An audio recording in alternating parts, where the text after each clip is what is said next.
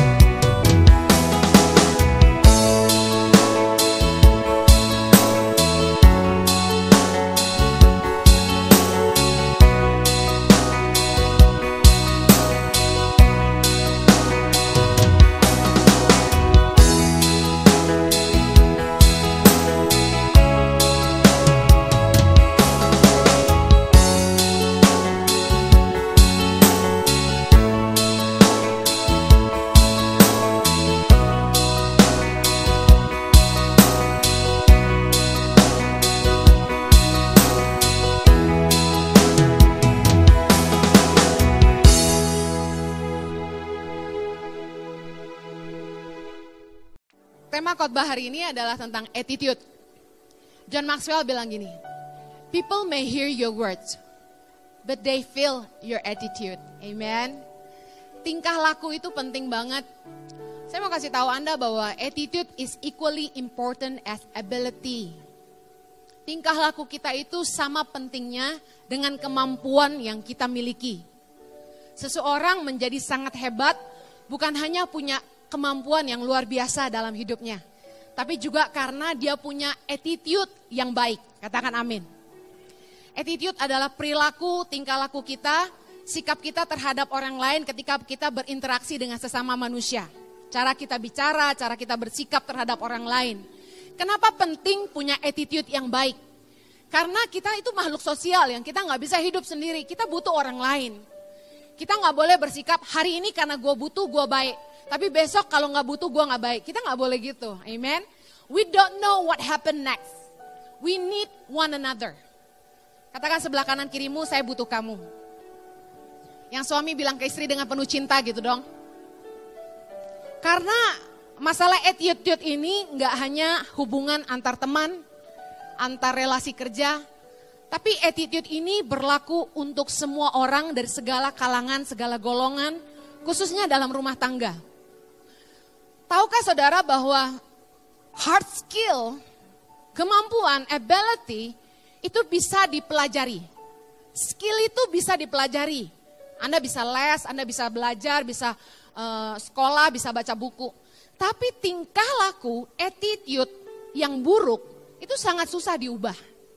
Kadang-kadang kita tuh harus ngadepin, diuji, diproses, ngadepin masalah besar baru attitude kita berubah. Contoh, orang kaya mesti bangkrut dulu baru rendah hati. Nah itu bahaya. Saya berdoa kita nggak perlu menghadapi masalah dulu baru berubah. Amin. Tapi pagi hari ini kita mau belajar sama-sama, kita mau jadi berkat. Katakan sama-sama saya mau jadi berkat. Mari jadi teladan dalam tingkah laku kita. Ketika orang lain terganggu dengan sikap atau perkataan kita, kita sudah jadi batu sandungan buat orang lain.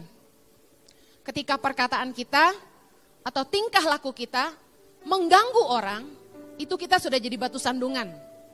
Saya setuju ada orang yang bilang gini bahwa hidup kita nggak butuh pengakuan orang lain.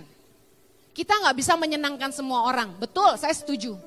Tapi jangan jadikan itu alasan untuk kita tidak mau berubah. Kalau kita tahu bahwa hidup kita jadi batu sandungan, mungkin kita perlu introspeksi diri dan berdoa supaya Tuhan menolong kita jadi pribadi yang lebih baik. Amin. 1 Timotius 4 ayat yang ke-12. Mari kita baca sama-sama. Jangan seorang pun menganggap engkau rendah karena engkau muda Jadilah teladan bagi orang-orang percaya dalam perkataanmu, dalam tingkah lakumu, dalam kasihmu, dalam kesetiaanmu, dan dalam kesucianmu. Penting sekali untuk kita bisa jadi berkat buat orang lain, supaya Yesus dipermuliakan dalam hidup kita. Kita mesti belajar punya attitude yang baik, dan bahkan lebih dari itu, kita harus jadi teladan dalam perilaku kita. Katakan amin. Kalau kita nggak punya attitude yang baik, hidup kita itu bisa melemahkan iman orang. Yang kedua, kalau kita nggak punya attitude yang baik, kita bisa mengacaukan orang, bikin orang bingung. Yang ketiga, kita bisa bikin nama Tuhan dan ajaran orang Kristen dihujat orang. Gak heran kita banyak dengar orang lihat kelakuan orang Kristen lalu bilang gini, orang Kristen kok kayak gitu. Padahal kesalahan satu orang tapi digeneralisasi semua orang Kristen kayak gitu. Tiga prinsip hidup saya dari dulu. Yang pertama, saya pegang prinsip saya nggak boleh jadi beban buat siapa pun. Hidup saya nggak boleh jadi benalu. Saya nggak mau jadi beban. Yang kedua, saya nggak boleh aji mumpung. Yang ketiga, saya nggak boleh berhutang. Nah, pertanyaan saya, apakah Anda punya prinsip dalam perilaku? Kalau Anda nggak punya prinsip dalam perilaku, nggak heran Anda nggak peduli tentang perilaku Anda sendiri. Tapi dengan punya prinsip hidup, kita jadi menjaga tingkah laku kita. Karena prinsip kita dalam hidup akan menentukan perilaku kita dalam hidup. Yang setuju katakan amin. Beberapa attitude yang jadi batu sandungan. Mari refleksi ya. Saya tidak menghakimi siapa pun tapi mari belajar sama-sama. Yang pertama, kemalasan. Orang malas tuh jadi batu sandungan, katakan amin. Yang kedua, sikap tidak toleransi. Itu jadi batu sandungan. Orang puasa kok uploadnya makanan mulu di IG. ya. Yang ketiga, aji mumpung. Suka aji mumpung sama kebaikan orang lain. Yang keempat, tidak menghormati orang lain. Nggak respect sama orang. Yang kelima, emosional, pemarah, nggak bisa kontrol diri. Keenam, kebiasaan berhutang, tukang ngutang. Ketujuh, keegoisan, selfish, apa-apa buat diri sendiri, apa-apa buat diri sendiri. Nah sikap tingkah laku ini, attitude ini, sering kali jadi batu sandungan buat orang lain. Mari saya mau bahas hanya empat hal pagi hari ini. Yang pertama saya mau bahas tentang kemalasan. Dalam 1 Timotius 5 ayat yang ke-13 kita baca sama-sama. Lagi pula dengan keluar masuk rumah orang, mereka membiasakan diri bermalas-malas. Dan bukan hanya bermalas-malas saja, tetapi juga meleter dan mencampuri soal orang lain dan mengatakan hal-hal yang tidak pantas. Kerjaan pemalas itu cuma tiap hari ngurusin urusan orang. Padahal dirinya sendiri nggak bikin apa-apa. Biasanya orang malas itu taunya tukang komentar. Ngomentarin hidup orang lain. Sementara waktunya dia buang hanya duduk gosip sana, gosip sini. Saya bukan nggak setuju ibu-ibu setelah ngantar anak sekolah terus ngumpul-ngumpul sama de emak-emak. Tapi dengerin, apakah obrolannya bermutu? Kalau hanya karena males, dengar, ibu rumah tangga tuh mesti rajin. Wanita bijak itu mengurus rumah tangganya, amin. Kalau Anda tanya, Bu Heni, ibu sibuk ngurus yayasan, masih ngurus rumah tangga enggak? Eh jangan salah loh. Tiap pagi saya itu nyiapin sarapan buat anak-anak saya. Tiap hari yang siapin beli roti buat anak saya, sarapan apa besok tuh saya. Enggak cuma anak-anak, saya juga ngurusin sarapan staff. Kantor kami kan di rumah. Sekitar 20 staff dan beberapa orang yang tinggal bersama kami, sehari sekitar 40 mulut, saya yang pikirin mesti makan apa. Ya kerja, ya pelayanan, yang ngurus rumah.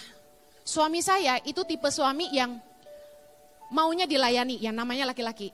Dia tinggal ngomong, mau makan. Habis itu piring udah saya siapin, nasi udah saya sendokin, minum udah saya siapin, dia tinggal duduk manis dan makan aja. Jojo itu udah kayak Potifar, tidak ada yang diurus selain makanannya sendiri. Nah itu udah kurang lebih ya. Jadi semuanya dari kaki sampai kepala istrinya yang ngurusin. Jadi jadi ibu rumah tangga tuh mesti rajin. Bukannya kalau ada waktu cuma berceloteh, bercerita tidak penting. Urus keluarga kita, amin. Jangan shopping dan holiday aja. Kenapa jadi ngomong gini, saya nggak tahu. Dengerin banyak orang Kristen itu jadi batu sandungan karena gini. Karena kita ngomongnya di gereja, kita nyebutnya orang Kristen ya, di luar mau banyak ya. Numpang di rumah orang, apalagi kalau holiday ke luar negeri. Kan kita nggak mau rugi kan nggak bayar hotel ya, kalau ada kenalan ya. Kita tinggal di rumah orang. Pertanyaan saya, udah numpang gratis, pakai listrik tahu diri nggak?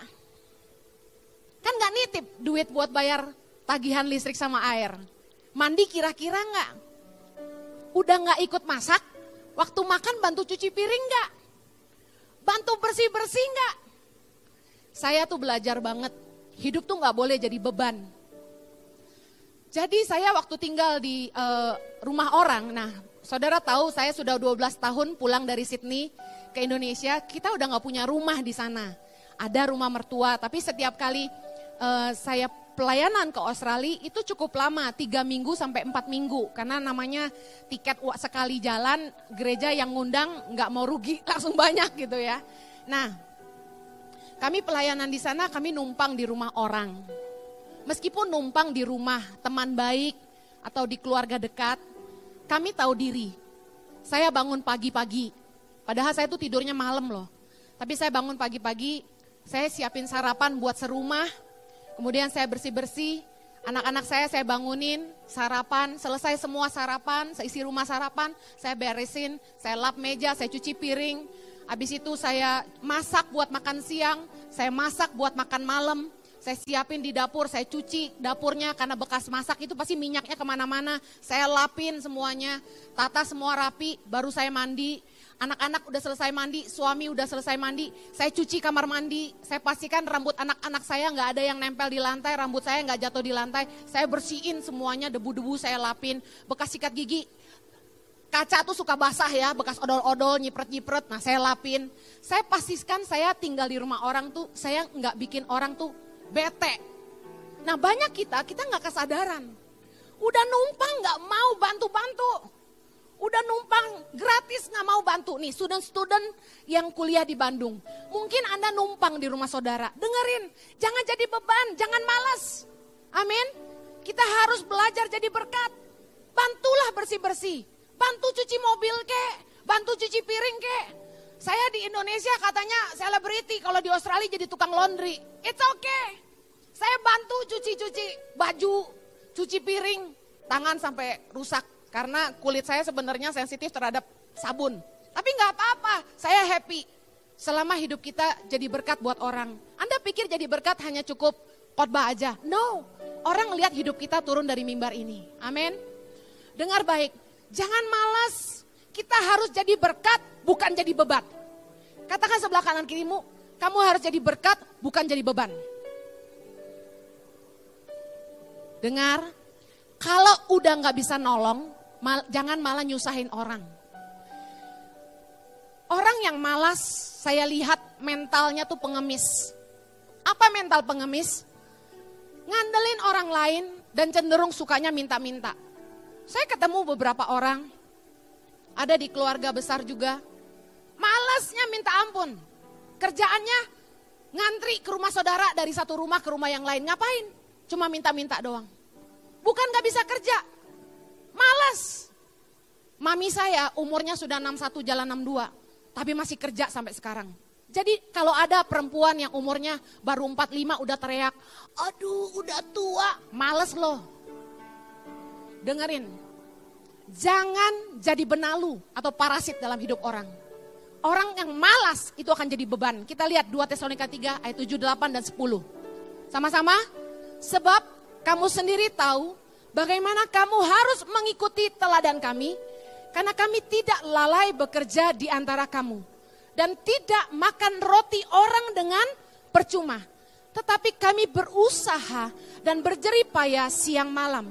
Supaya jangan menjadi beban bagi siapa pun di antara kamu. Sebab juga waktu kami berada di antara kamu, kami memberi peringatan ini kepada kamu. Jika seorang tidak mau bekerja, janganlah ia makan. Paulus mengajar kita, jangan makan roti orang dengan percuma. Jangan lalai bekerja. Dengar, kalau ada orang yang malas kerja, jangan makan. Amin. Enggak ada alasan untuk kita jadi pemalas kalau kita mau jadi berkat. Buat orang-orang yang bekerja, dengar, imanmu tidak boleh mendiskon kerja kerasmu. Doa kuat sih, puasa kuat. Tuhan berkati aku, tapi kerja males, datang terlambat, hitung-hitungan. Bagaimana attitude Anda di dunia kerja? Waktu Anda datang ke tempat kerja, apakah terlambat? Ketika duduk di kantor, apa hal pertama yang Anda kerjakan?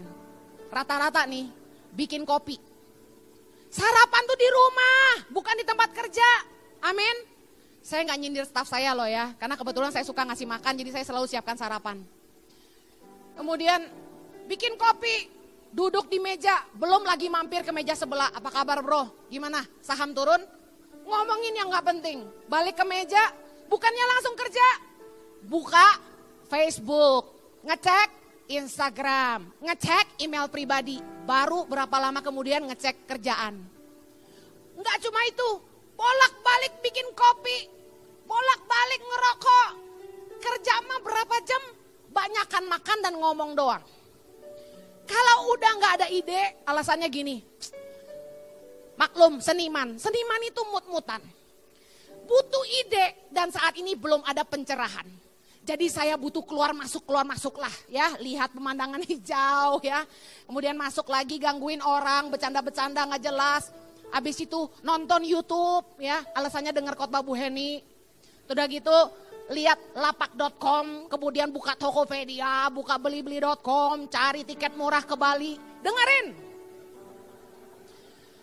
Kalau Anda kerja modelnya kayak begini, saya bisa ramal Anda. Lu nggak bakal naik pangkat dan nggak lama lagi lu keluar dari situ. Orang yang attitude-nya malas nggak bakal dibutuhin. Kita nggak butuh orang hebat, kita butuh orang yang yang karakternya luar biasa. Orang yang sedang-sedang masih bisa diajarin. Skill itu bisa dipelajari. Tapi attitude yang buruk itu sulit diubah. Orang yang kayak begini nggak layak dihargai di tempat kerja, keluar aja. Dengar baik, saya dari masih sangat muda, saya pegang prinsip ini, bahwa kalau saya kerja, saya mesti kerja sungguh-sungguh. Karena kenapa? Bagi saya pekerjaan saya itu pelayanan saya. Kita nggak boleh cuma hanya punya pemikiran pelayanan itu di gereja, itu yang mempermuliakan Allah. Salah. Dengerin, yang ngeliat kalian nyanyi di panggung hari ini cuma orang Kristen. Tapi yang ngeliat Anda kerja di luar sana mungkin banyak orang yang bukan anak Tuhan. Dan di situlah mimbarmu yang sesungguhnya. Anda nggak bisa rajin berdoa tapi nyolong.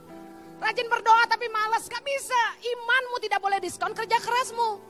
Justru orang yang beriman, itu dia percaya bahwa upah itu datang dari Tuhan. Orang yang punya iman itu kerjanya sungguh-sungguh. Soalnya dia tahu dia kerja tuh buat Tuhan bukan buat manusia. Amin.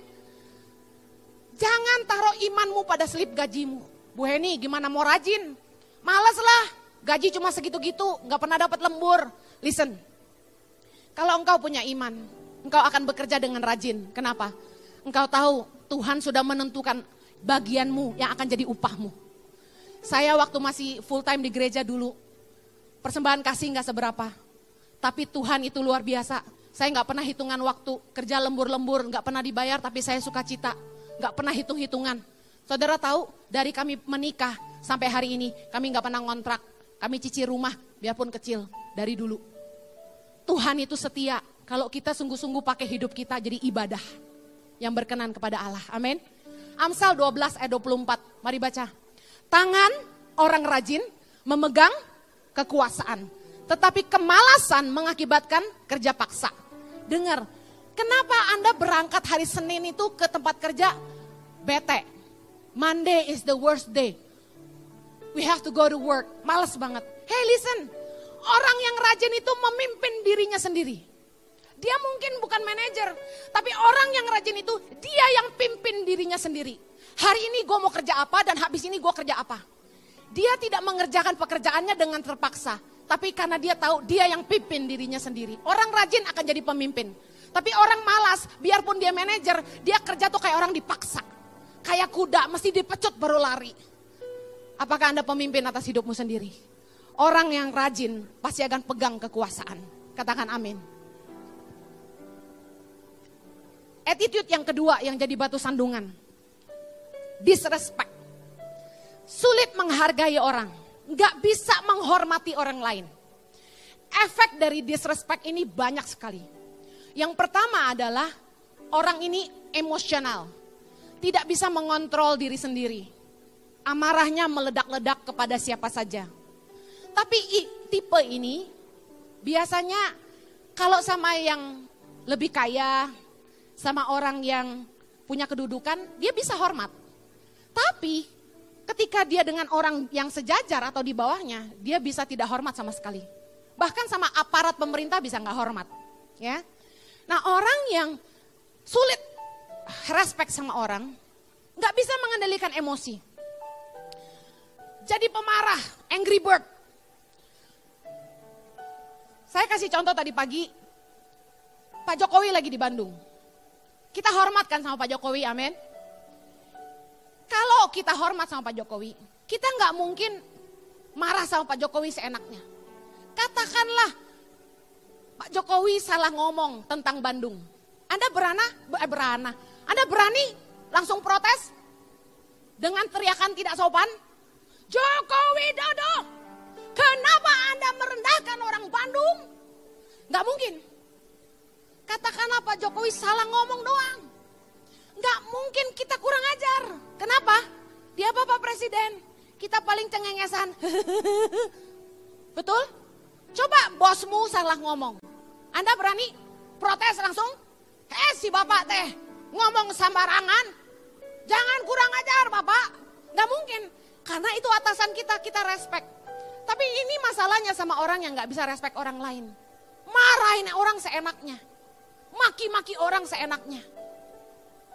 Di jalan ditangkap sama polisi. Lebih galak dia. Buka kaca. Kenapa pak? Kenapa berhentiin saya? Saya buru-buru mau ke gereja, ke CLCC. Telat saya. Nanti Bu Heni marah. Cepetan. Waduh, galakan dia. Bapak, Anda lewat garis tidak putus-putus. Mana gua nggak lihat? Hmm, galakan dia. Dengar, attitude orang yang nggak bisa menghargai orang lain cenderung pemarah dan emosional. Suami-suami yang gak menghargai istri sebagai teman pewaris tahta kasih karunia. Lihat aja attitude-nya. Istri salah ngomong dikit bentak-bentak. Istri salah ngitung duit dimaki.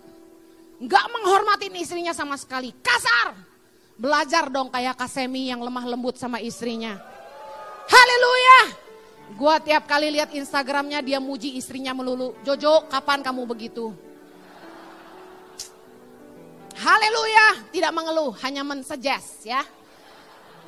Orang yang tidak menghargai orang lain itu suka membeda-bedakan orang. Kalau kaya baru dia sopan, kalau sama yang miskin ditekan. Aneh. Sikapnya seperti orang ber, punya dua kepribadian. Kalau ngelihat tante-tante yang bawa herme sama rambutnya berdiri gede banget, ya, pakai baju yang bagus banget, pakai kalung yang Chanel, ya mewah. Uh, kalau datang ke gereja, silakan, silakan, silakan, kursinya ditarikin. Giliran yang datang cuma pakai celana pendek, pakai kaos, lecek, jalan nggak pakai tas, masuk aja, nggak dilihat. Dengar baik, kita nggak boleh beda-bedain orang. Belajarlah hargai semua orang. Amin. Sikap disrespect kita akan membuat kita jadi batu sandungan buat orang. Firman Tuhan bilang gini, orang miskin berbicara dengan memohon-mohon, tapi orang kaya menjawab dengan kasar. Dengar, jangan mentang-mentang kita punya uang lebih, kita kasar sama orang yang gak punya. Amin. Kita gak lebih benar dari siapa pun. Hargailah semua orang. Disrespect yang berikutnya, punya penyakit tidak tahu toleransi. Namanya juga gak respect. Mana punya toleransi? lagi bulan puasa, upload Instagram foto lagi makan. Foto yang enak-enak lagi, apalagi tengah malam mengganggu orang yang lagi diet. Gak toleransi. Terus dengan alasan, lah gue kan gak puasa, kita gak bisa gitu, amen. Sikap kita yang gak toleran itu akan membuat kita jadi batu sandungan dan bagaimana Tuhan mau dipermuliakan. Sebagai bos di tempat kerja, jangan bosi, ngerti bosi? Lihat firman Tuhan 1 Petrus 5 ayat 3. Sama-sama. Janganlah kamu berbuat seolah-olah kamu mau memerintah atas mereka yang dipercayakan kepadamu, tetapi hendaklah kamu menjadi teladan bagi kawanan domba itu. Matius 23 ayat 4. Mereka mengikat beban-beban berat lalu meletakkannya di atas bahu orang, tetapi mereka sendiri tidak mau menyentuhnya. Orang yang nggak respect sama bawahannya, biasanya akan jadi bosi banget. Kasar ngomongannya, ngatain karyawannya bodoh, tahunya cuma merintah-merintah, nggak punya toleransi. Pegawai udah lembur-lembur, bukannya dihargai, malah dimaki-maki. Nggak bisa toleran sama sekali. Suruh pembantu masak, mungkin pembantu buru-buru, Begitu makan ayam goreng, dalamnya masih ada darah dikit. Ngamuk, banting ayam ke piring, brak. Panggil tuh tukang masak. Istri tergopoh-gopoh naik ke atas. Mbak, mbak dipanggil tuan. Turun ke bawah. Kenapa kamu bikin ayam goreng? Gak matang. Ngamuk, gak jelas. Toleransilah dikit sama orang. Mungkin dia buru-buru. Kan toh bisa ngomong baik-baik Mbak ini nggak mateng, tolong digoreng lagi. Bisa nggak? Tapi orang yang nggak bisa menghargai orang, tuh nggak bisa mikir perasaan orang lain, dia nggak peduli gitu loh. Kita harus belajar jadi orang Kristen. Taruhlah orang lain di sepatumu gitu loh. Coba kita tuh ngerasain gimana hidup dia. Kita coba jadi, kalau kita jadi dia tuh kayak gimana, kita berdiri di sepatu dia gitu loh. Enak gak sih dimaki-maki? Siapa sih yang mau jadi pegawai? Tapi listen, kalau memang engkau malas, engkau patut ditegur. Tapi ada beberapa atasan, bosi, result oriented, yang penting kerjaan kelar, nggak peduli karyawan belum makan. Kalau saya pertanyaan yang selalu saya tanya ke karyawan saya, semuanya saya selalu tanya, udah makan belum? Selalu saya tanya itu. Begitu dia bilang, belum bu, makan dulu, makan dulu, udah tinggalin kerjaan, makan dulu. Satu hari kami packing-packing eh, barang-barang bantuan buat Palu dan uh, Donggala. Itu lembur staff saya dua hari, dua malam packing barang bantuan, naikin ke truk karena ngejer, kita sempat ngalamin masalah lah ya dalam pengiriman. Kasihan sekali mereka. Nah berat banget barang-barang itu, nah saya nggak bisa bantu angkat karena saya punya masalah dengan pinggang belakang. Karena nggak bisa bantu ngangkat-ngangkat, saya berusaha bantu yang saya bisa. Saya selalu kalau sama staff itu nggak pernah cuma merintah-merintah, saya biasanya ikut kerja. Karena firman Tuhan bilang sebagai atasan, kita tuh harusnya kasih teladan. Amin. Kalau staff kita suruh lembur, bos lembur enggak? Saya berdiri bersama-sama mereka. Ketika saya lihat mereka kehausan, panas kan di Jakarta, saya lari ke Indomaret, saya pergi beli minuman dingin, saya bawa dan saya bilang, udah stop semua stop, minum dulu, minum dulu. Hari sudah malam, kira-kira jam 9. Semua minum, semua minum. Terus mereka kerja lagi. Terus saya berpikir, apa yang saya bisa lakukan untuk mengurangi e, beban mereka. Saya teriak gini, ada amin buat martabak, semua teriak, amin. Saya pesen gojek martabak, semua suka cita. Harusnya jadi atasan tuh, kita mikirin karyawan kita. Bukan hanya mikirin diri kita sendiri, amin. Belajarlah menghargai karyawan kita, bahwa mereka lah yang bekerja susah payah buat kita gitu loh. Gak ada seorang pun yang bisa jadi superhero, superman. Kita harus kerja bareng-bareng. Tangan pengharapan gak akan bisa menjangkau 70 titik 5100 anak hari ini. Kalau gak ada staf saya di seluruh Indonesia yang mau memberi hidupnya sungguh-sungguh dan hatinya untuk bangsa ini. Amin. Kita harus peduli sama mereka. Hargailah semua orang. Amin. Yang berikutnya. Saya eh, dengar banyak orang Kristen itu yang suka berhutang. Hutangnya banyak banget. Nah, saya ingin tanya, di CLCC, berapa banyak saudara yang pernah dihutangin orang Kristen terus gak dibayar? Angkat tangan. Nah, hmm. dengar. Sekarang saya mau ngomong dulu sama orang-orang yang suka ngasih utang. Ngomong gak enak, ditahan nyesek. Apa itu? Nagi utang. Amsal 22 ayat 26 bilang, Jangan engkau termasuk orang yang membuat persetujuan dan yang menjadi penanggung hutang. Boleh nggak sih bantu orang? Boleh. Tapi dengar, jangan beri hutang itu kalau engkau nggak tahu untuk apa hutang itu. Hutang itu ada dua. Yang pertama good debts, hutang yang baik. Yang kedua bad debts. Hutang yang baik itu pinjaman yang dimanfaatkan untuk modal kerja, modal usaha, investasi yang sifatnya menghasilkan penghasilan tambahan dan membuat orang yang meminjam bisa membayar kembali, punya kemampuan untuk paying back, membayar kembali. Itu hutang yang baik. Contoh, ada pengangguran, teman kita nganggur, dia nggak punya modal, dia pengen narik gojek. Tapi dia perlu DP buat cicil motor. Nah Anda boleh bantu orang kayak gini, ngerti ya maksud saya? Tapi bad debts, hutang yang buruk adalah pinjaman yang dipakai untuk kemewahan dan untuk dihabiskan. Contoh, pinjam duit buat liburan ke Jepang, udah jelas salah. Gak punya duit kok liburan. Yang kedua, pinjam duit buat nyekolahin anak di sekolah yang mahal. Kenapa orang itu suka berhutang? Yang pertama, keinginan lebih besar dari kemampuan. Maunya banyak tapi kemampuan gak ada. Ini yang bikin orang suka berhutang. Roma 13 ayat ke-8. Mari baca sama-sama. Janganlah kamu berhutang apa-apa kepada siapa pun juga, tetapi hendaklah kamu saling mengasihi. Sebab barang siapa mengasihi sesamanya manusia, ia sudah memenuhi hukum Taurat. Firman Tuhan berkata, jangan berhutang kepada siapa pun juga. Karena kita akan malu-maluin Tuhan. Anak Tuhan kok suka ngutang. Dengar baik, prinsip saya, mendingan jangan makan daripada saya utang. Kalau nggak mampu, jangan beli. Wanita-wanita yang nggak bisa mengendalikan diri dengan shopping, ini nasihat saya. Jangan gesek kartu kredit terus, karena begitu tagihan datang, Anda akan ribut dengan suamimu. Gimana caranya engkau tidak berhutang? Jangan ke mall. Serius. Pertama jangan ke mall, kedua jangan buka shopping online. Jangan follow butik-butik di Instagrammu. Engkau pasti tergoda. Yang suka makan, jangan follow food-food IG. Katanya mau kurus, tapi ngeliatannya pork chop, mie, porky.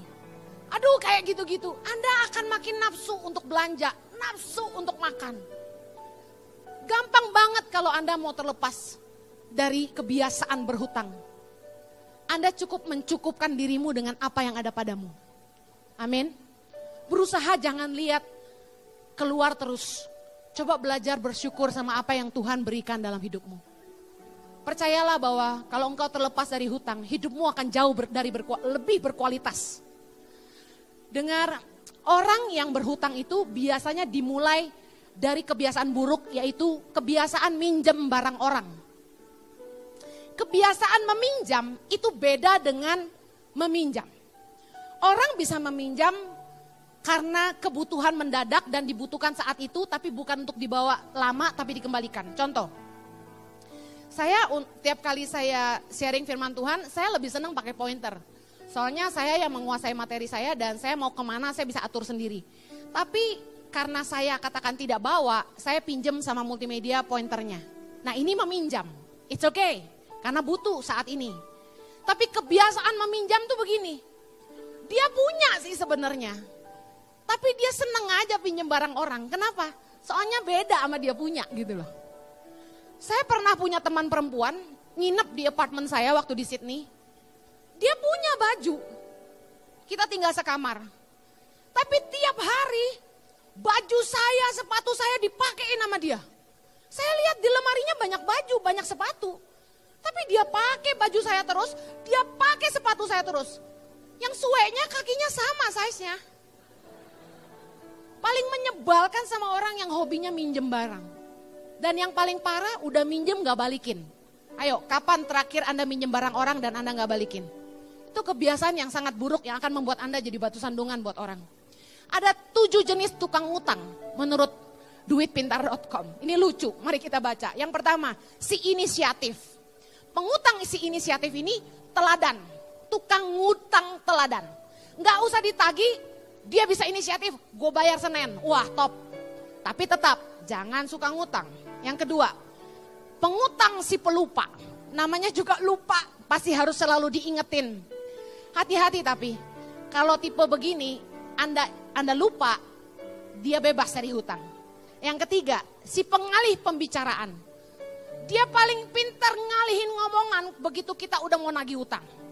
Pintar, dia bisa cerita macam-macam, kita akhirnya terjebak dan melupakan tadinya tujuan kita awal datang buat nagih utang. Yang keempat, si pura-pura lupa. Ya, si pura-pura lupa. Kalau tadi pelupa. Nah, ini pura-pura lupa. Pengutang yang seperti ini suka lupa, hilang ingatan. Dia bisa nggak sadar, begitu dia ada duit, dia ada duit. Tapi dia pura-pura lupa kalau dia punya utang. Begitu ketemu sama kita, dia bilang gini, aduh kemarin tuh sebenarnya gue udah ada duitnya, tapi lu gak nongol sih jadi gue lupa, katanya gitu. Yang kelima, pengutang si sok sibuk. Tiap kali ditelepon buat nagih utang, dia selalu alasan, sorry gue lagi banyak kerjaan. Sorry gue lagi meeting. Seolah-olah hutangnya gak penting. Yang berikutnya, pengutang yang pura-pura miskin, ini paling nyebelin buat saya. Karena pernah saya ngadepin yang kayak gini. Pinjam duit melulu. Udah gitu gak pernah bayar. Alasannya gini. Sorry Hen. Laki gue gajinya ngepas banget. Buat bayar pembantu aja kurang. Buat bayar uang sekolah anak aja susah Hen. Pura-pura kere. Tapi saya lihat di Instagram. Dia ngafe melulu. Makan restoran mewah. Shopping melulu. Dalam hati saya nih kebangetan utang gak bayar lu mewah-mewah. Sampai sekarang dia gak bayar utangnya. Gue liatin funky-funky sana sini terus. Yang ketujuh, si antara ada dan tiada. Nah ini ajaib. Kalau kita datang dia ngilang. Dicari selalu gak ada. Di telepon gak pernah ngangkat, di WhatsApp gak pernah balas. Wah tipe kayak gini sih, ajaib. Kita ada, dia gak ada tapi dia selalu eksis di Instagram. Hebat. Saudara, kebiasaan ngutang itu nggak baik. Kenapa? Anda enak aja ngutang. Tapi tahu nggak, Anda merugikan orang yang Anda hutangi. Dan Anda akan menyengsarakan keluargamu. Ada tipe orang yang suka ngutang, yang pusing tuh dulu, istrinya tukang utang, gawat. Semua orang dihutangin, sebut aja. Warung, tukang sayur, adik, ipar, orang tua, temen, semua dihutangin. Suaminya yang babak belur bayarin. Akhirnya pada akhirnya saya sampai panggil tuh istrinya ke kantor. Saya bilang gini, sekali lagi kamu berhutang. Saya keluarkan suamimu dari kantor ini. Bikin perjanjian, tanda tangan bahwa saya tidak akan berhutang lagi.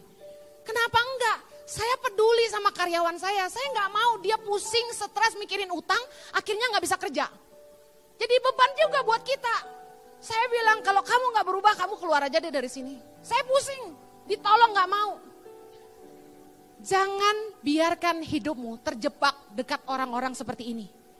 Dia ngutang Anda bayarin, dia ngutang Anda bayarin, dia ngutang Anda bayarin. Saya kasih tahu, Orang kayak gini nggak akan pernah belajar. Sampai tua akan jadi tukang utang. Dan biasanya jago bohong dan selalu nyusahin keluarganya. Kasihan orang-orang yang menikah sama orang yang suka ngutang. Tapi kalau engkau punya pasangan yang demikian, saya berdoa Tuhan memberimu jalan keluar. Katakan amin. Suami itu perlu didoakan kalau dia memang tukang ngutang. Saya pada prinsipnya selalu ngajarin ini ke ibu-ibu Punya suami yang kasar, punya suami yang gak menghargai, punya suami yang tukang ngutang, suami yang gak pintar cari uang tapi tapi selalu selingkuhan, dengar baik. Doain, pilihan suamimu cuma dua. Dia berubah atau dipanggil Tuhan, selesai. Yang keempat, sadis ya. Lah iya kita juga gitu, Anda gak mau berubah pilihannya cuma satu, nunggu aja dipanggil Tuhan, kan gak boleh cerai. Yang terakhir, attitude yang buruk. Yang terakhir yang saya mau ngomong adalah Aji Mumpung. Nama depannya Aji, nama family name-nya Mumpung.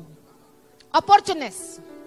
Orang yang opportunist itu mengorbankan orang lain untuk kepentingan sendiri, fokusnya hanya keuntungan diri sendiri, yang penting saya kenyang, yang penting saya selamat, bodoh amat sama orang. Dibagi kue 15 potong, dihitung staff yang ada berapa orang, oh ada eh, 14, berarti ada lebih satu. Wah cepet-cepet diambil dua. Selebihnya lu orang satu-satu. Orang tipe aji mumpung biasanya fokus hanya diri sendiri. Rakus, serakah itu sifatnya. Gak mikirin orang lain. Ngambil banyak-banyak, diajak makan bersama. Apalagi yang makan meja, yang sayur di tengah. Gua doyan nih, cumi goreng tepung. Wah langsung disor-sor-sor di piringnya.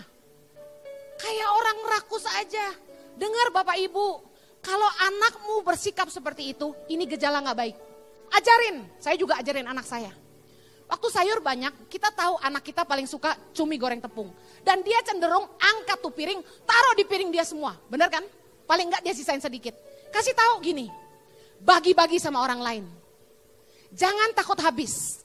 Kalau habis, mama pesan lagi. Didik anakmu kayak gini. Kalau enggak, anak kita akan tumbuh jadi orang yang selalu fokusnya hanya diri sendiri. Aji mumpung. Kemudian memanfaatkan kalau dipinjemin mobil sama orang, ini yang punya dealer mobil nggak tahu suka dipinjemin mobil nggak sama orang. Udah minjem mobil orang, balikin nggak dicuci, bensin nggak diisi, ditabrakin lagi. Dengar, tipe aji mumpung kayak gini, orang bakal kapok pinjemin kita, betul? Saya pernah waktu di Bandung dipinjamkan mobil Juni 2006 kami dipinjamkan mobil Avanza tahun 2004. saya sama Jojo komitmen. Kita akan rawat baik-baik mobil pinjaman orang. Karena kita udah berterima kasih sekali kita nggak punya mobil dipinjemin. Saudara tahu, saya sama Jojo tiap kali servis itu mobil selalu di dealer Toyota. Harganya kan lebih mahal. Dibanding bengkel biasa, pasti jauh lebih mahal di bengkel Toyota. Tapi saya sama Jojo komit, kita mau track record servis mobil itu bagus supaya orang yang minjemin mobil senang. Kita rawat baik-baik, kita asuransiin, kita rawat baik-baik. Tuhan tuh luar biasa. Firman Tuhan ini jadi ya dan amin dalam hidup kami. Lukas 16 ayat 12, baca sama-sama. Dan jikalau kamu tidak setia dalam harta orang lain, siapakah yang akan menyerahkan hartamu sendiri kepadamu? Belajarlah setia dengan barang orang. Saudara tahu apa yang kami alami? Mujizat terjadi. Kami awalnya dipinjamkan, tapi akhirnya Avanza itu diberikan kepada kami. Karena Tuhan mempercayai kita dengan apa yang dia beri. Amin. Tuhan tuh luar biasa. Yang berikutnya, orang yang oportunis itu mentalnya kere. Mental gratisan. Kalau makan sama temen nggak mau bau nggak mau bayar, memanfaatkan hubungan. Kita makan rame-rame, dan biasanya sesama temen tahu siapa yang paling kaya. Udah, udah kayak gitu tuh biasanya. Yang kurang kaya nggak mau bayar. Kan dia paling kaya, udah biar dia yang bayar. Dengerin, ini mental aji mumpung, attitude yang buruk sekali. Kita dipanggil untuk jadi berkat. Kita harus memberkati. Firman Tuhan bilang gini, terlebih berkat memberi daripada menerima. Saya biarpun makan sama orang kaya atau yang lebih kaya dari saya, saya selalu berusaha bayarin. Saya sempat beberapa hari yang lalu breakfast sama CEO Sogo. Karena teman orang tua saya. Begitu breakfast, dia mau bayar. Dia bilang, Hen biar saya bayar. Oh enggak, enggak, enggak Ci, jangan saya panggilnya Ci. Jangan Ci, enggak, saya yang bayar. Sok kaya ya.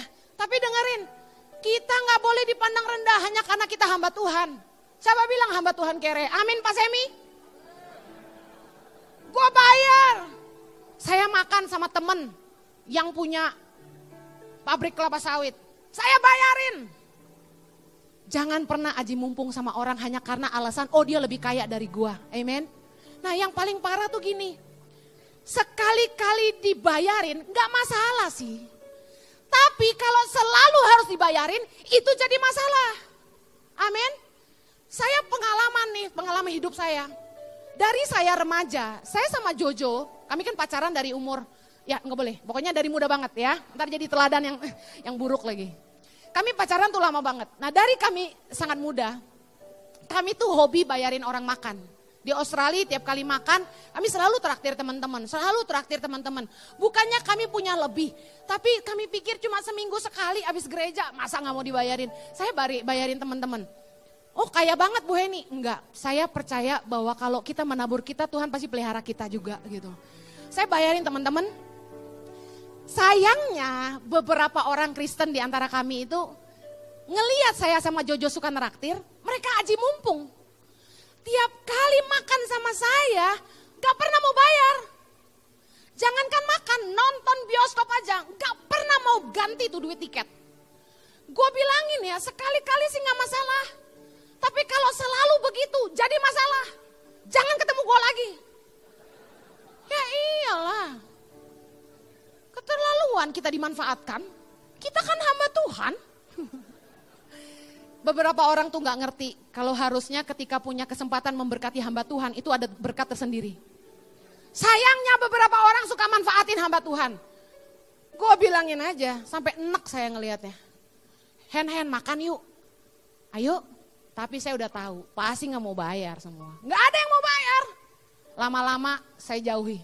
Sekarang buat apa kita dimanfaatkan? Kita dalam berteman harus mengerti bahwa kita harus jadi berkat. Jangan selalu maunya diberkati, amin. Hukum mutualisme itu berlaku. Kalau Anda tidak jadi berkat buat orang lain, Anda hanya menerima berkat, menerima berkat, dengerin. Anda cuma jadi benalu buat dia.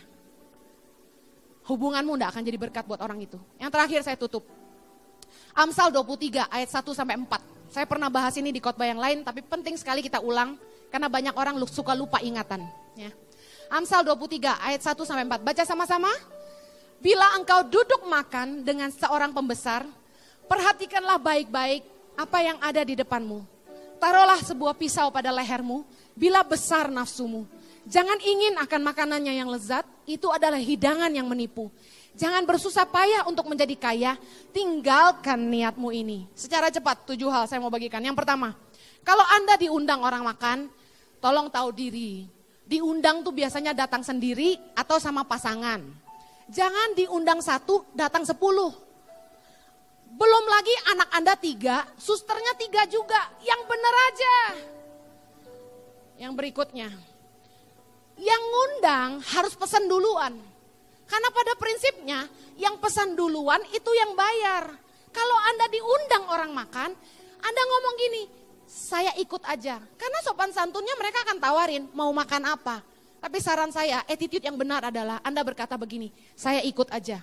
Tapi kalau ditanya ada alergi apa, yang ngomong aja kalau enggak Anda mati nanti. Ya jadi ngomong, tapi dengar, yang pesen yang bayar tahu dirilah. Amin. Berikutnya, jangan pesan menu yang lebih mahal dari yang ngundang. Kalau yang ngundang pesan soto ayam, Anda nggak boleh pesan sop buntut. Semua orang juga tahu sop buntut lebih mahal. Kalau yang ngundang pesennya pasta, Anda nggak boleh pesan steak. Jelas itu nggak etika. Nah, kalau yang ngundang pesennya mie goreng, that's it nasibmu cuma segitu. Nasi goreng, bihun goreng, kue tiaw goreng, nasi goreng, gado-gado. Udah itu aja yang Anda boleh pilih. Karena Anda paling banter, standar etikanya adalah gini. Anda pesan sama harganya dengan yang ngundang, itu udah paling top. Yang ngundang pun attitude-mu harusnya begini. Pesanlah yang paling mahal supaya orang yang diundang pilihannya lebih banyak. Amin. Haleluya. Saya nggak ngomong gini karena mau diajak makan loh ya.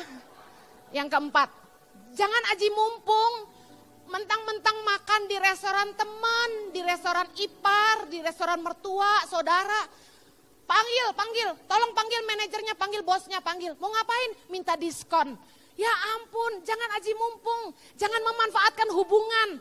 Anda cuma boleh makan gratis kalau itu saat pembukaan, itu pun kalau Anda diundang.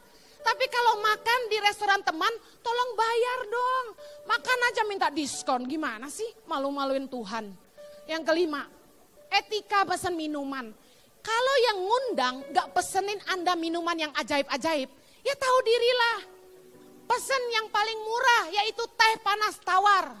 Di restoran Padang rata-rata gratis. Tapi katakanlah Anda nggak bisa minum teh, Anda haus dan pengen air putih. Lihat juga botolnya apa. Kalau botolnya disentil bunyi, kling-kling, itu mahal bos. Perrier, Equil, itu lebih mahal. Mendingan lu minum Coca-Cola aja. Coba kita jujur, giliran makan bayar pakai duit sendiri. Anda bawa air botol dari rumah kan? Kayak saya. Kenapa giliran diundang orang aji mumpung banget? Pesannya dua, air putih dan jus. Heran. Yang keenam, kalau diundang orang makan, hargailah orang. Orang tuh ngasih Anda waktu buat makan bareng, itu bukan dia kurang kerjaan. Dia kasih dua loh, waktu dan uang. Jangan malah dagang, bangun hubungan.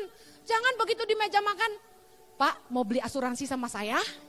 Mau beli mobil sama saya? Bapak kalau mau jual rumah kontak saya, ini kartu nama saya.